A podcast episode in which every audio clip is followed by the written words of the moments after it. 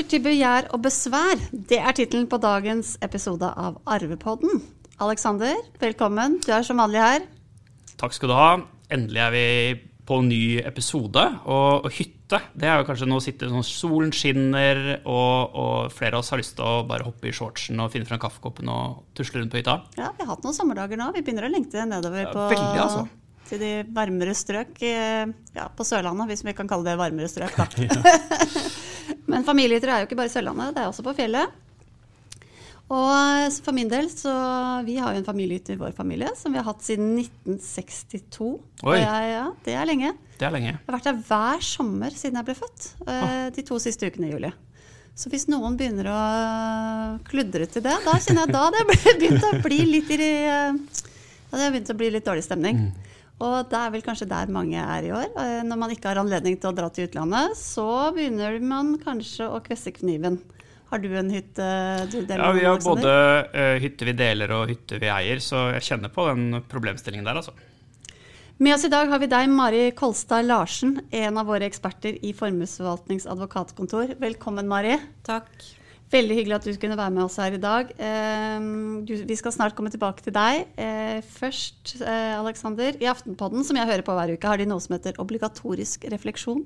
Vi har vår variant med obligatorisk perspektiv. Alexander, hva har vi på familiehytter? hva skal vi snakke om familiehytter? ja. Du, eh, det er jo ganske interessant. Vi har jo nå en forhåpentligvis nærmer oss slutten av en pandemi hvor jeg opplever at vi nordmenn har vært ganske flinke. Vi har, vi har virkelig fulgt, i hvert fall i det store hele fulgt myndigheters råd og, og, og sånn, lojalt innordnet oss. Men så eh, var det jo noe som gjorde at det holdt på å klikke for oss. Og da var det jo to, det var to ting som gjorde det. Det ene var når de tok fra oss eh, muligheten til å dra på hytta. Og det andre var når de stengte Vinmonopolet. Og kanskje en sånn kombinasjon av det er jo det ultimate. Hvis du liksom ikke får dra på hytta, får ikke ha med en vinflaske. Da, da er liksom, da det er grensen dårlig. for vår lojalitet ja. til, eh, til, statlige tiltak. Så, og aldri har vel folk brukt hyttene mer enn Nei. Jeg, jeg tror at alle mine venner er på hytta hele tiden. Det er hjemmekontor fra hytta, det er skiløper. De har løpt så mye på ski som aldri før. Ja, ja det har jo vært et sånt fristed fra hjemmekontor og, og, hjemmeskole og alt det andre vi driver med. Og, det tenker jeg har jo virkelig vist hvor viktig hytta er for mange av oss. da. Og så er jo ikke hytta kanskje hva det en gang var heller. Uh, jeg tror at sånn, Sier du familiehytta går mange år tilbake, så er det jo den så, så var det sånn kamp om å ha hytta med, med utedo hvor det blåste mest og var surest og kaldest, og det skulle liksom være obligatorisk eh, fjellvettregler på veggen, og det var liksom klokkestreng, og det, og det, det skulle være litt kaldt og rått og, og lite og trangt og, og, sånn. Og så har det jo blitt noe helt annet. Så når mange av oss drar på hytta nå, så reiser vi jo litt til vårt annet hjem. jeg fant, jeg fant faktisk ut en dag at jeg har raskere internett på hytta enn jeg har hjemme. Det sier litt om liksom, den endringen vi har vært igjennom. Uh, og, det, det, bygges masse hytter. Uh, går vi tilbake, SSB har gjort en del statistikk på det. Går vi tilbake til tidlig på 80-tallet, så, så, var det sånn 1600 hytter i året. Uh, nå i 2020 så er det bygget over 6500 nye hytter. Og, og i samme perioden så har sånn, snitthytta endret seg fra å være 62 kvadratmeter til å, til å bli nesten 90 kvadratmeter, og, og veldig mange enda større. Så, så, det har jo blitt liksom mange store hytter. Jeg tror jeg så et tall som sa at det var det sånn over 440 000 hytter. Og at det er ca. 22% av husholdningene som har en hytte. Og, og, når man spør, så er det ca. 50% av oss, som halvparten av oss, sier at vi har tilgang til en hytte. Så, så sant, alt dette her er jo eh, Kombinasjonen med covid blitt kjempeviktig. Mm. Og vi eier sammen. Og da er vi jo i Arvepoddens kjerneområde. Her er det potensial for å, for å krangle litt. Ja, og her er potensial for å gi litt gode råd. Eh, og da er vi over til deg, Mari. Eh, du eh, har jo litt erfaring med dette med å dele arv og konflikter, og hvordan man unngår eh, konflikter. Og hvordan skal denne sommeren eh, Hvordan unngår man at denne sommeren ender med høye skuldre og kjevelås og krangling? Ja, Eh, altså, denne sommeren blir nok også litt annerledes enn det vi vanligvis kan forholde oss til. Og det er jo litt ekstra utfordring i år. For hvis ikke vi kan reise til utlandet i år igjen, så blir denne hytta veldig attraktiv for veldig mange i familien. Og det betyr jo at kanskje de som vanligvis ikke er på hytta, nå også vil være der. Så jeg vil si at det er kjempeviktig at man setter seg ned, snakker litt om forventningene til sommeren. Hvem skal være der når, og hvilket ansvar skal den enkelte ha for å holde orden? Kanskje det er ting som skal males? Hvem skal gjøre hva? Og så tror jeg det er superviktig at man er litt ekstra raus med hverandre i år. Der er jo mantraet vårt igjen, eh, Ingunn. Vær raus. Det, er jo, det, det snakker vi om i hver eneste podd. Jeg, jeg tror at det du sier, Mari, om, om forventninger altså, Det er jo et eller annet med Og kanskje er dette enda mer i år enn det pleier å være. Når man, man gleder seg, det skal være ferie. Eh, I mitt hode så er det jo alltid strålende sol.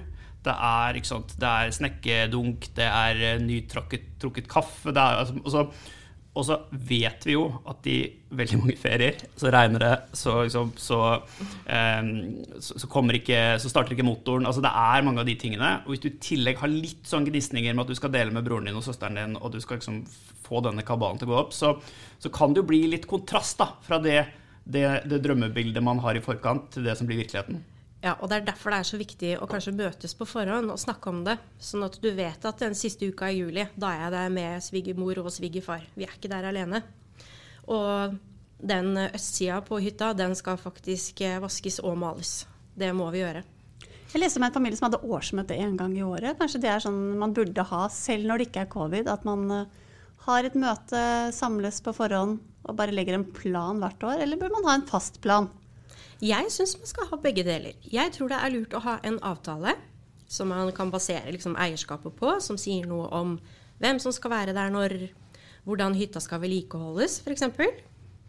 Men kommunisere, det kan man ikke gjøre for lite av. Så jeg syns det er kjempelurt at man har et årsmøte hvert år hvor man setter seg ned og snakker litt om hva skal gjøres på hytta i år. Mm. Kanskje det er um, rutiner man har hatt som skal endres ikke sikkert man skal gjøre ting på samme måte i år som man gjorde for 20 år siden. Er det lov å endre regler på hytta? Altså, jeg trodde det var helt skrevet i sten. Ja. Det er jo det som er utfordringen med hytte, og særlig når det blir flere generasjoner òg. Så alle har gjort ting på sin måte, og hytta er hellig, som vi har snakka om.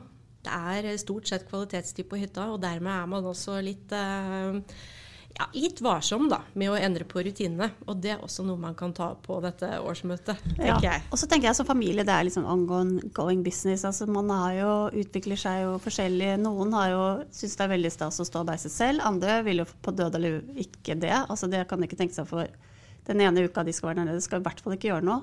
Så de vil leie inn noe. Hjelp. Og der er det også kilde til en stor eh, konflikt, tenker jeg. Eller ikke stor konflikt, i hvert fall potensiell konflikt. Og hvordan hvordan bør man løse det? Du, Det er veldig vanlig det du sier nå. Og det er jo ofte der man ser det blir konflikter også. Fordi man er veldig uenig om den type ting. Men her kommer jo sameieravtalen din. At man har en avtale, de som eier hytta sammen. Og der kan man bestemme f.eks. hvilken stand ønsker vi at hytta skal være i. Og her er det jo forskjell. Har man en gammel familiehytte da, som kanskje ikke har innlagt vann og strøm, så blir det jo nå ofte pålegg i veldig mange kommuner at du må er forplikta til å legge det inn. Hvem skal betale den kostnaden? Og skal vi ha flislagt bad, eller skal vi ha dusjkabinett? Det er også et prisspørsmål. At man setter seg ned og blir enige. Og så syns jo jeg det er viktig at alle har råd til å være med. Og det er også det jeg opplever når jeg snakker med kunder. Det er at det er viktig at alle har tilgang til hytta. Men da er det veldig greit å ha satt seg ned på forhånd og snakka litt om det. Om vi skal ha panoramavinduer eller beholde de gamle. Det er flere ting som spiller inn. Én ting er jo eh, gjerne synet på at ting skal enten være som det alltid har vært, eller at det skal være mm, som man ønsker at liksom, man selv Hvis man skulle bygget det nytt i dag. Ikke sant? Mm. Ikke minst så ser du kanskje det mellom generasjoner. Hvorfor trenger vi å bytte det? Det kjøkkenet har jo fungert godt i 50 år. Det kan da fungere i hvert fall 50 år til. Um, og, og, så har du selvfølgelig det med at skal man bytte det ut, så kan noen ha god økonomi, og lett for å være med og si at det å bytte det kjøkkenet, det går fint. Mens andre har kanskje behov for å bruke de pengene på noe annet. Mm. Og det er viktig det du sier der. Jeg tror man må tenke at når man eier noe i fellesskap med andre, så er det ikke mitt, det er vårt. Det er ikke noe som man sjøl kan bestemme Men helt over. Men er det rettferdig at alltid den som ikke, som har på en måte lavest uh, budsjett, da, skal på en måte legge listen. For da, da kan man jo på en måte utestenge de som har lyst til å være der, men syns det blir litt vanskelig å være der fordi standarden ikke er bra nok. Ja, og nå havner jo da midt i interessekonfliktene. det er jo derfor en del hytter selges etter hvert òg, ja. fordi det blir for stort sprik mellom Ønsket, hva eh, de forskjellige søsknene eller generasjonene ønsker. Men man må jo sette seg ned og bli litt enige om hva er viktig. Er det at mm. vi alle skal ha tilgang til denne hytta? Og hvis noen har veldig ulike krav fra de andre, kanskje ikke det er så lett å eie sammen. Men vi er jo veldig glad i å skrive ned tingene her eh, i formuesforvaltning. Mm. Eh, det er vårt råd. Altså ha det skrevet. For det som blir sagt i sånne møter, blir jo ofte sånn blir litt selektiv hukommelse på etterkant hva som egentlig var sagt, og hva man ble enige om. Så hvordan eh, bør man formalisere alle disse, disse, tingene man blir enige om? Hva er ditt råd der? Og hvor skal man oppbevare dokumentene, sånn at det ikke blir tull med dokumentene? Så det høres det veldig formal, formelt ut da, med den, bare en hytte, men det er jo kanskje greit å ha ting på stell? Det er veldig nyttig å ha ting på stell. Fordi når årene går, så husker man ikke hva man har blitt enige om. Og det er da konfliktene begynner. Og da er det noen ganger fint å kunne tilbake og gå tilbake på avtalen og se. Det var, dette var premissene da vi ble eiere sammen. Mm. Uh, og det er jo gjerne advokater som setter opp avtalene. Og det er jo for å passe på at man får med de viktigste punktene som man må regulere når man skal eie noe sammen. Og når det gjelder oppbevaring, så kan man jo skanne den og sende den opp i skyen, Ingunn. Det er jo det mest vanlige nå. ja. Utfordringen er jo at man ikke finner avtalen igjen. ikke sant? Ja, Den blir svevende i skyen? Den blir svevende i skyen. Eller er det vi som gjør det, eller et annet advokatfirma, så skanner vi den og har den på saken. Det er, um, det er noe med at uh, jeg tror den prosessen ved å lage en avtale også, da kan man få opp en del av de spørsmålene som det faktisk er viktig å ta stilling til. Istedenfor å tenke at ja, det går seg til vi finner ut av det så er det jo ofte det vi ser at, at når konflikten og diskusjonen og kranglingen kommer, ja, så har det gått litt for lang tid. Hvor dette har liksom ligget og, og, og, fra å være en liten diskusjon blitt en veldig stor diskusjon. Men å ta det i forkant og si ok, men hvordan skal vi fordele uker? Hvordan skal vi regulere dugnad? Hvordan skal vi regulere kostnaden? Altså det å liksom gå opp de viktigste tingene i forbindelse med en avtale, tror jeg kan være en nyttig vei inn i et sameie. Helt enig med deg, Aleksander. Og så mange tenker at det gjør litt vondt å kalle inn hele familien og sette seg ned og lage en sånn avtale. Og han er jo redd for å tråkke folk på tærne. Ja, det Men, kommer litt sånn ubehagelige temaer. Det er jo det, ikke sant. Ja. Men det er enda verre hvis man ikke har blitt enig. Mm. Og det dukker opp først når man har blitt uenig. Men sånn inni en sånn avtale så tenker jeg ok, man kan uh, bli enig om hvem, kostnadsfordeling, altså hvem som skal være der når, forkjøpsrett. Og så er det dette med andre ting som er viktig, det kan jo være dette med at man ikke har lov å ta opp lån på hytta. Altså, det er, en del, er det noen andre punkter man må huske på når man setter opp en sånn avtale? Jeg tenker Det er det viktigste, det du sier der, og dette med forkjøpsrett. Hvis noen eh, ikke mm. ønsker å være eier lenger, skal de da andre ha lov til å kjøpe den, eller skal den selges på det åpne markedet? Eller skal man innhente takst? Innhente takst, eller eh, skal det være lavere verdi? Dette er ting som familiene også må bli enige om. Mm. Og så er det jo andre ting som jeg merker på hytta, hvert fall som jeg hører om, som, ja, som kanskje har vært et konflikt på vår uh, eiendom i Hardanger, bl.a. Dette med uh, hevd, altså det er stier som det har vært hevd på, det er bryggerett.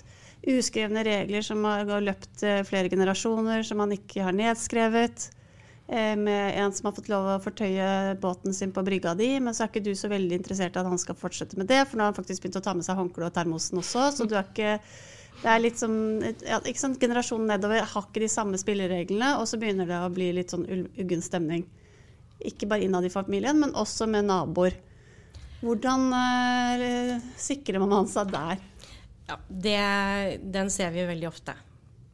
Og typisk da at besteforeldregenerasjonen har eh, fått en tomt, bygget seg en hytte, hatt muntlige avtaler med grunneieren om at selvfølgelig skal jeg få lov å parkere borte ved gården, og selvfølgelig skal båten ligge på nedsiden av vannet. Og så kommer det kanskje en ny grunneier som tenker at eh, sånn avtale skal vi ikke ha. Og da I hvert fall ikke uten å betale for det. Nei, nemlig. For det er jo gjerne penger. Og det er jo inntektsgrunnlaget til mange. Men det å få ting skriftlig Det er kjempeviktig å få det tinglyst på eiendommen hvis man skal ha rett til båtplass som ikke er på egen eiendom. Eller rett til å ta seg til hytta. Og Der er det ofte disse stiene som man hadde Man hadde liksom rett til adkomst, og man kunne gå på sti, og nå er det blitt vei. Mm. Uh, har man da fortsatt rett til å kjøre på den veien, osv. Mm. Uh, og de som inngikk avtalen, de er, det er ikke bare at de er nettopp gått bort, det kan være flere generasjoner siden. Og, og ja, da er det jo synd da man plutselig mister båtplassen, eller mister eh, veiretten, eller mister hva det måtte være. Så det å, det å passe på de tingene, hvordan, sjekke grunnboken ja, hvordan beviser man det, da, hvis man har hatt en rett der i alle år? Til å ha bryggebåtplass et sted? Hvordan går man fram hvis man plutselig da Noen selger en hytte, og så har du en båtplass der, og så er det ikke tinglyst, eller det er bare en bruksrett? Hvordan eh, Da har vi jo noen prinsipper i jussen eh, innenfor tingsretten som sier noe om hvor mange år du må ha brukt eh, f.eks. en bryggerett da, uten at noen har protestert. For at du kan ha hevdet den, f.eks. Men det er en lang vei å gå ofte. Og det er veldig kostbart. Og det er ikke uten grunn til at det er veldig mange av de sakene i tingrettene, særlig nede ved Sørlandet. Så ikke undervurder det, nei. Å få ting skriftlig med en gang. Og få det tinglyst. Mm, Men mm. hvis man eh, får bevist at man har hevd, så kan man etter hvert få det skriftlig og si at man tinglyser en hevd da, på at man har en Det kan man Rett. gjøre. Hvis man har hevdet den rett, så kan man få den tinglyst. mm, Og da er den plutselig litt mer verdifull enn om man bare Ja, to Men besteforeldre Men det er det jo- mye enklere å få den avtalen Ja, på eh, plass, mens, uh, uten å gå hevdsveien. Så, så, Mm. så det får vel være rådet vårt. Det er vel andre råd i tillegg til å være raus. Få det skrevet ned. ja. Ja. Så det er sånne ting man, som er fint å ta opp i familierådet, som plutselig kan bli ganske store temaer etter hvert hvis man oppdager at eh, Å snakke pent med grunneieren, det er også lurt hvis man er usikker på hvilke avtaler man har.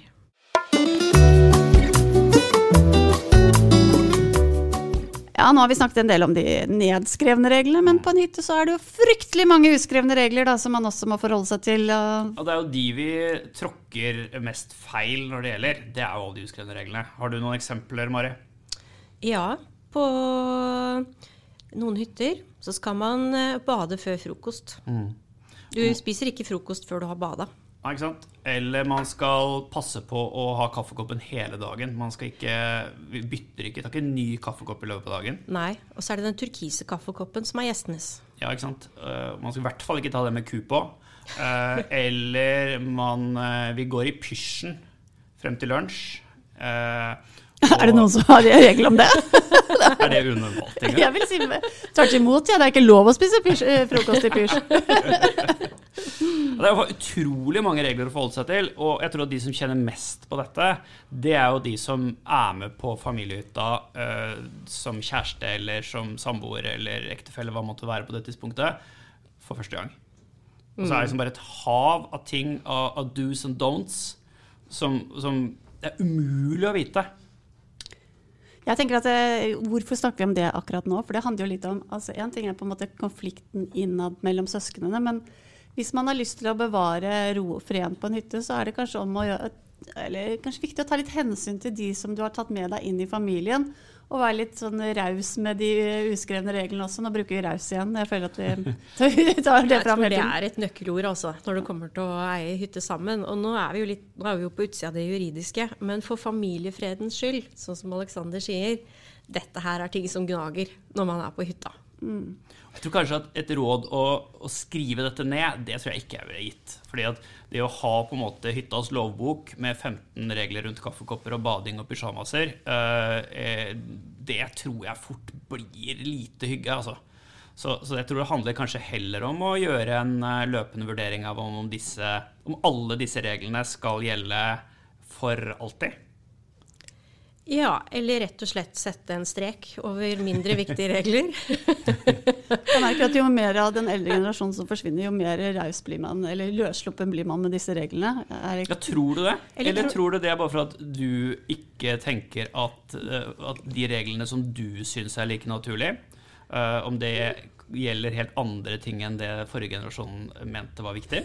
Uh, slik at hvis du, hvis du hadde spurt dine barn, er du helt sikker på at de ville følt at uh, du var like raus? Jeg vet ikke. Men en regel jeg tenker vi bør, bør legge bort med en gang, det er sånn regel om å bade naken sammen med svigerforeldre og sånn. Det, det går ikke, altså. Ja, det, er, er sikkert mulig at flere kan nevnes som setter streken der. Men jeg mener, en ting jeg merker på hytta vår da, i Hardanger, og det er at vi har en sånn sjekkliste som min mor skrev ned, som henger på veggen. Eh, hun er jo død nå, men det er fortsatt hennes håndskrift, hvor du har liksom masse punkter som du skal gå gjennom. Og har du ikke liksom tatt den sjekken før du drar, og den andre kommer tilbake, eller neste familiemedlem kommer tilbake, så kan det også bli litt bråk. De sjekklistene er fantastiske, særlig de som er i plastlomme. De er skrevet på skrivemaskin. Og så har man etter hvert som man har endret f.eks.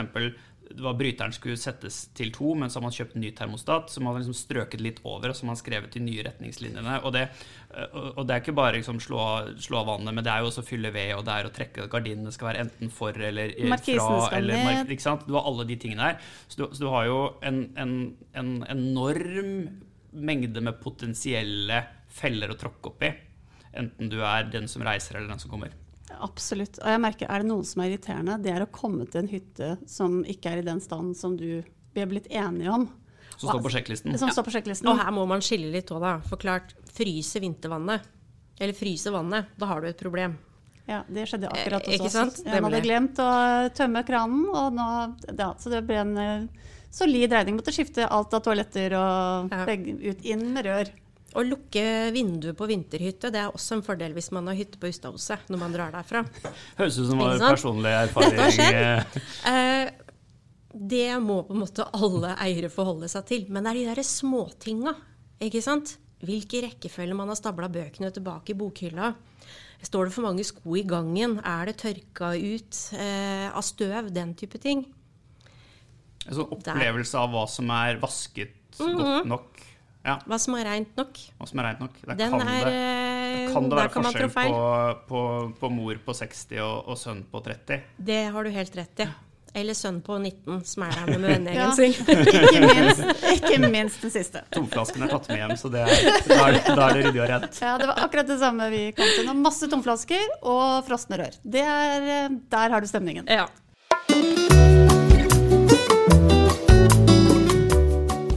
Ja, nå har vi snakket om de uh, us, uh, uskrevne reglene, og, men nå skal vi snakke litt om mer om uh, litt mer harde fakta. For eh, ofte med familieeiendommer så kan jo en eldre generasjon begynne å tenke ja, men nå begynner jeg å gå litt ut på dato her, kanskje jeg skal overføre til den yngre generasjon. De er tross alt litt ivrigere og har lyst til å pusse opp, og det har ikke jeg. Hva, hva er våre råd der? Tenker Gått ut på dato, nå er jeg litt usikker på hvor, hvor jeg sitter, men, men ikke, ikke minst så har jo kanskje arveavgiftdiskusjonen, det har vi jo snakket om i en tidligere pod, har gjort at mange har tenkt at kanskje det ikke er så dumt å overføre til neste generasjon. Ja, jeg mente ikke at man selv hadde gått ut på dato, men sånn ok. i forhold til uh, hvordan man har lyst til å ha det på hytta. da. Sånn Jeg sett, tenkte ja. liksom, Jeg ikke sant, at man, De yngre generasjonene har lyst til å ha det på en eller annen måte, og så henger har Jeg er litt usikker på om enten er du tilgitt, eller så har du snakket deg veldig godt videre. Men Mari, hva, Vi setter det over til deg, Mari. Eh, Det kan jo være mange, mange motivasjonsfaktorer, som du sier. Enten at kanskje eldregenerasjonen ikke orker å vedlikeholde lenger. For det er mye jobb å ha en hytte. Mye mer enn det folk skjønner, tror jeg. Og da kan det være naturlig å gi det til barna. Eller, sånn som Alexander sier, det er eh, et mulig regjeringsskifte til høsten. Hvor vi vet at tre av partiene i hvert fall ønsker å gjeninnføre arveavgiften. Og da kan man jo vurdere om man skal gjøre noen grep nå. Og vurdere, altså overføre hytta til neste generasjon. For å sørge for at det i hvert fall ikke blir avgift på den, hvis vi får arveavgift. Og da er vi jo litt tilbake til den eh, diskusjonen i stad. Noen er veldig ferdig med hytta når de gir den fra seg. Noen har egentlig ikke lyst til å gi den fra seg, men vil gjerne spare arveavgift. Og hva gjør vi da? Og hva gjør vi da, ja? Hvis vi ser på det gamle arveavgiftsregelverket, så var jo skatteetaten veldig opptatt av om rådigheten hadde gått over fra giver til mottaker. Så ga du fra deg en hytte, så måtte du ha gitt fra deg bruken til hytta. For at det, gaven skulle bli avgiftsberegna. da fikk du ikke lov å være på hytta, da, eller? Bitte litt. Bitte litt. Er eh, merkelig regnestykke fra Statistisk sentralbyrå, men de hadde nå regna ut at eh, en hytte hadde åtte ukers bruksrett i året. Og så sa skatteetaten at hvis giver forbeholdt seg fire ukers bruksrett i året, da hadde de gitt bort halvparten. Det var på en måte nok til at eh, gaven arveavgiftsrettslig ble ansett å være gitt. Men vi vet jo ikke hvordan et nytt regelverk blir hvis vi får avgiften tilbake. Men sammenligner vi med det forrige, så tenker vi at fire ukers bruksrett, det kan du beholde selv. Og fortsatt har du gitt bort hytta. Mm, men jeg tenker hvis du har en sommerhytte og du gir skal være der i fire uker selv, så vil jeg si du har kommet ganske godt ut av det. Ja, Hvis ikke du gir desember, da. Desember og januar går jo absolutt an å gi bort. Nå tenkte jeg fire uker i juli. Skjønner. Og igjen, da er vi tilbake til dette her med kommunikasjon. For her ser vi at forventningsbristen ofte kan komme. For når barna får en hytte, så tenker de at nå er hytta vår. Mens foreldrene de tenker at vi har jo bare gitt den bort for arveavgiften. Ikke sant? Og at vi vil jo ha den samme bruken. Vi vil ha nøkkelen og fortsatt Vi- bestemme hvordan det skal se ut. Og vi vil helst være der sammen med barna. Og vil gjerne være der sammen med barna, ja. Og det er ikke alltid barna hadde sett for seg det når sommerferien kommer i juli. Så igjen, da må man sette seg ned og prate sammen. Hvem skal være der når? Og hvem skal betale for vedlikeholdet? For hvis foreldrene f.eks. skal være der fire uker i året, som er halvparten av brukstiden på en hytte, ja, så bør man kanskje ha en formening om hvordan man gjør det med dugnader og løpende kostnader. Um, høres ut som uh, Stikkordet her er egentlig Vi kommer helt tilbake. Snakk sammen. Lag regler. Um, ja, ta opp de ubehagelige temaene. Selv om de er litt ubehagelige nå, så er det bedre å ta de opp nå enn å vente til uh, irritasjonen uh, sitter der i veggene når du, vi er der alle sammen. For da blir det ofte litt ampert. Kan Så er- bli dårlig stemning. Særlig tror jeg når barn opplever at de er formell eier. Ja. Da føler man jo også at man uh, står fritt til å råde over det, og, og alt fra det juridiske til, til hvordan man innreder og, og Bytte ut kjøkkenet. bytte ut kjøkkenet, ikke sant? Og, og bokstavelig talt hvor skapet skal stå. Uh, og det er klart at i en sånn grensegang hvor juridisk er det gått over, men du har bruksrett, og du har nøkkel, og du har på en måte en sånn en litt sånn sameie. eh, reelt, mens formelt er det veldig eh, ordnet. Og da tror jeg det er viktig å, å prate sammen. Ja, ikke minst det der om oppussing. For jeg tenker at det er viktig at når man overfører eierskap, at man da også er litt raus på at uh, neste generasjon kanskje har lyst til å gjøre noen endringer, og ikke bli irritert eller sur hvis, ikke, hvis de har kasta ut lenestolen som du har sittet på siden 1962. Det, det er greit. Du kan finne et nytt sted å sitte. Så kan man kanskje ha litt respekt for at eh, det har vært et sted som familien har en sterk forhold til at ting har vært. Og det er ikke sikkert at det smarteste er liksom å hive ut alt første dagen heller, tenker jeg det. Eh, Men, men det går kanskje mer på hva slags relasjon du ønsker å ha i familien din, enn hva jussen sier. Ja, og mitt inntrykk er at eldre generasjonen de har veldig sterk tilknytning til den hytta. Og min oppfatning er at det er sårt for mange hvis man gjør for store endringer så lenge de lever. Det er min erfaring også. faktisk. Fordi jeg har, eh, de syns det er fint som det er. Så kan ikke skjønne at det er behov for å gjøre noen endringer. Vi blir sånn, vi gjør, vet du. Det er det vi gjør. Ja, så vi får, Vi må får- heller eh, skrive det opp i boken, tror jeg, enn at vi sitter og kritiserer. Nei, det er ingen kritikk. Jeg skjønner, jeg skjønner det godt.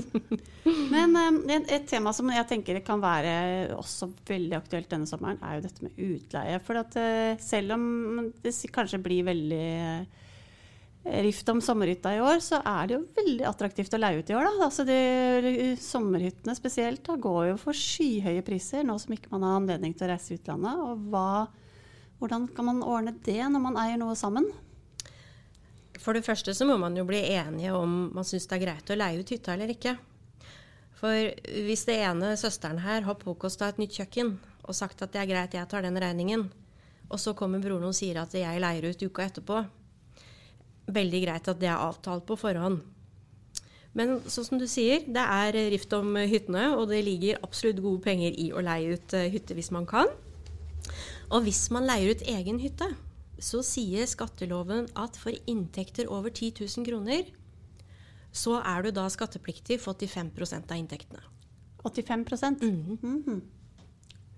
Ja, det blir litt skatt i år, da. litt skatt. Det For blir jeg har vært på. Finn og sett at det er et par hytter som leies ut for mer enn 10 000 kroner. Det er en skattekostnad som ligger der. Så det vil si at hvis du da leier ut for 100 000, så har du skatt på 85 000? Da må du trekke fra 10 000 først, da. Mm. Da har du skatt på 90 000, og så skal du ta, ha 85 av Ja, de sånn da. 90 000, som da skal, er skattepliktig. Heldigvis er det jo ikke alle hytter som koster 100 000 å leie, men jeg så at det var mye dyre hytter. Ja, det er kanskje ikke du har, du har tenkt liksom at de pengene tar jeg rett i eh, lomma, men hvis du skal begynne å skatte, og så skal du rapportere, det blir kanskje mye styr? Nei, det er egentlig ganske enkelt. Det er et vedlegg til skattemeldingen. Eller et eget skjema som skal fylles ut. Men eh, klart kan man leie ut hytta for 100 000 i uka, så kanskje det er verdt det å ta seg av det bryet med å fylle ut det skjemaet. Men det er et godt råd Mari, å starte med å, å um, avklare med de du eier sammen. Da. Eh, At, at man sånn sett er innforstått med om det er noen helt andre som kommer da uken etter. Og ikke bare skal følge sjekklisten, men skal også disponere over alt som, uh, som finnes på hytta. Ja, ja. Uh, og og, og det er jo ett av flere eksempler på det å, det å eie sammen. Som, som ikke er helt uvanlig at foreldre sier at, at dere får arve denne hytta sammen. Dere har begge like, stort, like sterkt forhold til det. Og, og dette har vært like mye ditt som, som søsteren din sitt, så, dette får dere eie sammen, og så får dere finne ut av det. Og så kommer man til et punkt da, hvor man ser at vi finner ikke ut av det. Vi har veldig ulike syn på, på det og ja, på hvordan hytta skal brukes, disponeres. Vi klarer på en måte ikke. Og kanskje kommer det en generasjon lenger ned, så er det ikke bare to, men da er alle to-tre barn, og da blir det liksom seks, syv, åtte, og så blir det fryktelig mange mennesker etter hvert som skal dele de fire ukene på Sørlandet, eller jaktsesongen på fjellet, eller skisesongen, eller hvor det måtte være. Hvordan går man frem hvis man skal rydde opp i det der? Nei, da må man jo finne ut av om den hytta skal bli i familien eller ikke. Eller om det skal selges på det åpne markedet. Når det blir for mange eiere, og de ikke, enige, de ikke er enige lenger. ikke sant? Eh, vi, er, vi, vi tenker veldig ofte at ting skal være rettferdig når vi rådgir. Eh, og det er ofte markedsverdier man legger til grunn hvis den ene skal få lov å overta noe på bekostning av andre. Men dette er jo ting man kan bli enige om, selvsagt. Men hvis det er markedsverdien som skal legges til grunn, hvis noen skal kjøpes ut, så ville vi jo anbefale at det er lokalkjent eiendomsmegler som fastsetter prisen på eiendommen. Eller takstmann, eller? Eller takstmann. Ja. Litt avhengig av hvor hytta er, så ser vi ofte at eh, eiendomsmeglerne, to eiendomsmeglere sammen, kan være ganske presise. Mm. Kanskje bedre enn en takst, for da de har litt mer foten i bakken på hva Yes. kjøperen egentlig er villig til å betale. Mm. Og da er det ingen som kan komme i etterkant heller og si at ja, men du fikk jo den kjempebillig. Og så blir det kanskje en eller annen litt sånn sår greie ja, etter at hytta er solgt. Da vet man at det var et rettferdig oppgjør, og vi andre vi fikk det den var verdt. Og den som har kjøpt den, har da betalt markedspris. Og da er det kanskje greit å finne noen eiendomsmeglere som ikke noen har noe tilknytning til. Ikke bestekompisen din fra skolen eller du andre helt ting som i. kan sette en gunstig pris, enten det er høyt eller lavt. Det må være uavhengig eiendomsmeglere. Men eh, er det ofte sånn at man da uh, tar to forskjellige eiendomsmeglere, og så tar man et snitt, eller, uh, også, eller er det sånn at man da bør inn- innhente en tredje hvis man er veldig uenig? Dette kan man jo også bli enige om. Eh, Det som jeg tror kanskje ofte er dekkende nok, det er at man har eh, to eiendomsmeglere. Og er det f.eks. mer enn 10% forskjell i prisen som de to kommer til, så må de møtes og finne ut av hva det faktisk er verdt. Eiendomsmeglerne må. Eiendomsmeglerne må møtes, ikke familien. Eiendomsmeglerne. Ja. Det, det høres ut som et, eh, et veldig godt tips rundt det der. Det er jo også noen Jeg har sett noen testamenter hvor de sier at barna mine skal arve det, og det må gjerne Jeg ønsker at det skal være i familiens eie kanskje én eller to generasjoner til, men deretter så skal den legges ut på det åpne markedet. De, eh, familien kan ha en eller annen for forkjøpsrett, men den skal ut på det åpne markedet. Og, den sk og hvis ikke noen klarer å reise de, så blir den solgt ut av familien. Rett og slett ut fra en tanke om at på et eller annet tidspunkt så ser jeg at konfliktpotensialet blir så stort at jeg ønsker å unngå at de havner i den. Så kan du si at andre ønsker tvert imot å ha den i familien, slik at de setter eh, regler for utkjøp som er lavere enn markedet. Altså hvor det skal være enklere for familien å, å faktisk beholde den og ikke måtte selge ut på et tidspunkt. Så Det er litt hva man ønsker å, å få til, og det fins forskjellige mekanikker for det. Men det som er viktig, tror jeg, er å prøve å, å planlegge litt frem i tid og tenke er det noen ting jeg kan gjøre, kan jeg regulere, kan jeg gi noen, noen retningslinjer for dette som gjør at, at det blir håndterbart da, for kommende generasjoner. Mm. Og så kanskje være åpen med neste generasjon om hvordan man har tenkt, så ikke det kommer som en overraskelse. At det ligger som en klausul. Mm.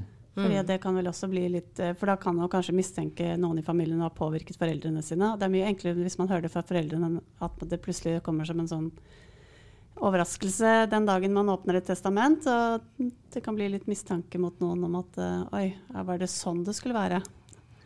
Vi, vi ser jo det fordi det er litt der vi startet i dag. Altså Det er veldig mange hytter som kanskje var ikke så mye verdt. De lå ekstremt utenfor allfarvei. Det var vanskelig å komme dit, det var dårlig stand. Så har allfarvei kommet dit den hytta er. Eh, hytta er oppgradert. Det har blitt et kjempeattraktivt område og verdien har skutt i været. Mm. Tenk hvor langt det var nedover sørlandskysten fra Oslo for en del år tilbake. Nå er man svosj ned, og man kjører båt ut, og liksom alt er blitt så kjekt og greit. Og, og, man har jo hatt en verdistigning på de hyttene som er helt ekstremt. Og, så det gjør at selv om man liksom tenker at jo, men dette hadde man en eller annen plan om at dette kunne enkelt og greit gå videre, det var antagelig ingen som ville ha den gamle hytta, så kan plutselig situasjonen være en helt annen. ja, jeg tror de fleste er enige om at en sommerhytte i dag er ganske det er i hvert fall i denne sommeren her blir ekstremt verdifull. Ikke bare i pengeverdi, men også i opplevd feriefølelsesverdi, hvis man kan si noe sånt. Og med det tenker jeg vi avrunder denne podden. Eh, tusen takk til deg, Mari, for at du var med oss i dag. Og takk til deg, Aleksander. Takk skal du ha.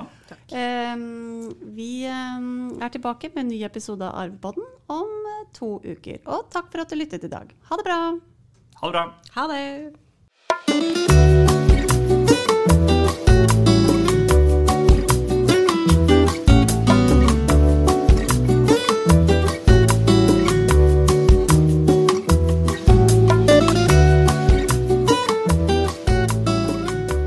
Podkast fra Formuesforvaltning.